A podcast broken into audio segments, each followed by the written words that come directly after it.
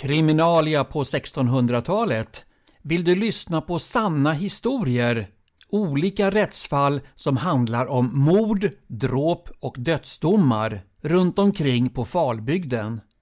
Jag misstänkte väl det och därför så kommer jag läsa upp åtskilliga sådana ärenden, både långa och korta och sådana som slutar med avrättning eller att de blev frikända. Sånt vet man aldrig i förväg. Kriminalia Rättsfall från Falbygden runt mitten av 1600-talet som berör mord, dråp och dödsdomar. 1641 var Tofta häradsting den 31 mars. Då ställdes inför rätten Erik Eriksson i Kilåsen i Velinga socken och Nils Bengtsson i Brunnsmossen i Daretorps socken. Två unga drängar som inte anses vara fyllda 15 år, vilka övertygades att de hade stulit ifrån sin husbonde Anders Nilsson i Vettak i Valstagäll, nämligen detta.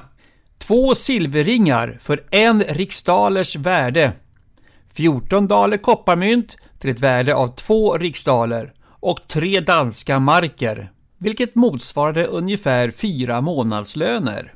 Men dock har Anders Nilsson strax fått tillbaka sitt gods och penningar så eftersom de sina brott bekänner och ut i sina ungdomsår och oförstånd är skett samt ber om nåd och inte rätt.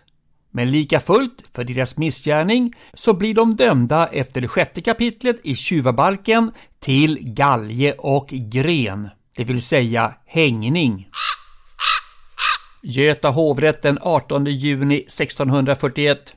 Erik Eriksson och Nils Bengtsson tjuvar. Unga drängar, vilka tillsammans har stulit från sin husbonde Anders Nilsson. Beslut. Det ska bättre ransakas och med flit förfaras hur gamla Erik och Nils är.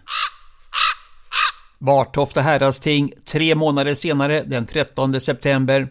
Angående Erik Eriksson och Nils Bengtsson, tjuvar, så är den enes ålder 14 år och den andra är på sitt 15. Göta hovrätt en månad senare den 13 oktober. Erik Eriksson och Nils Bengtsson tjuvar. Beslut.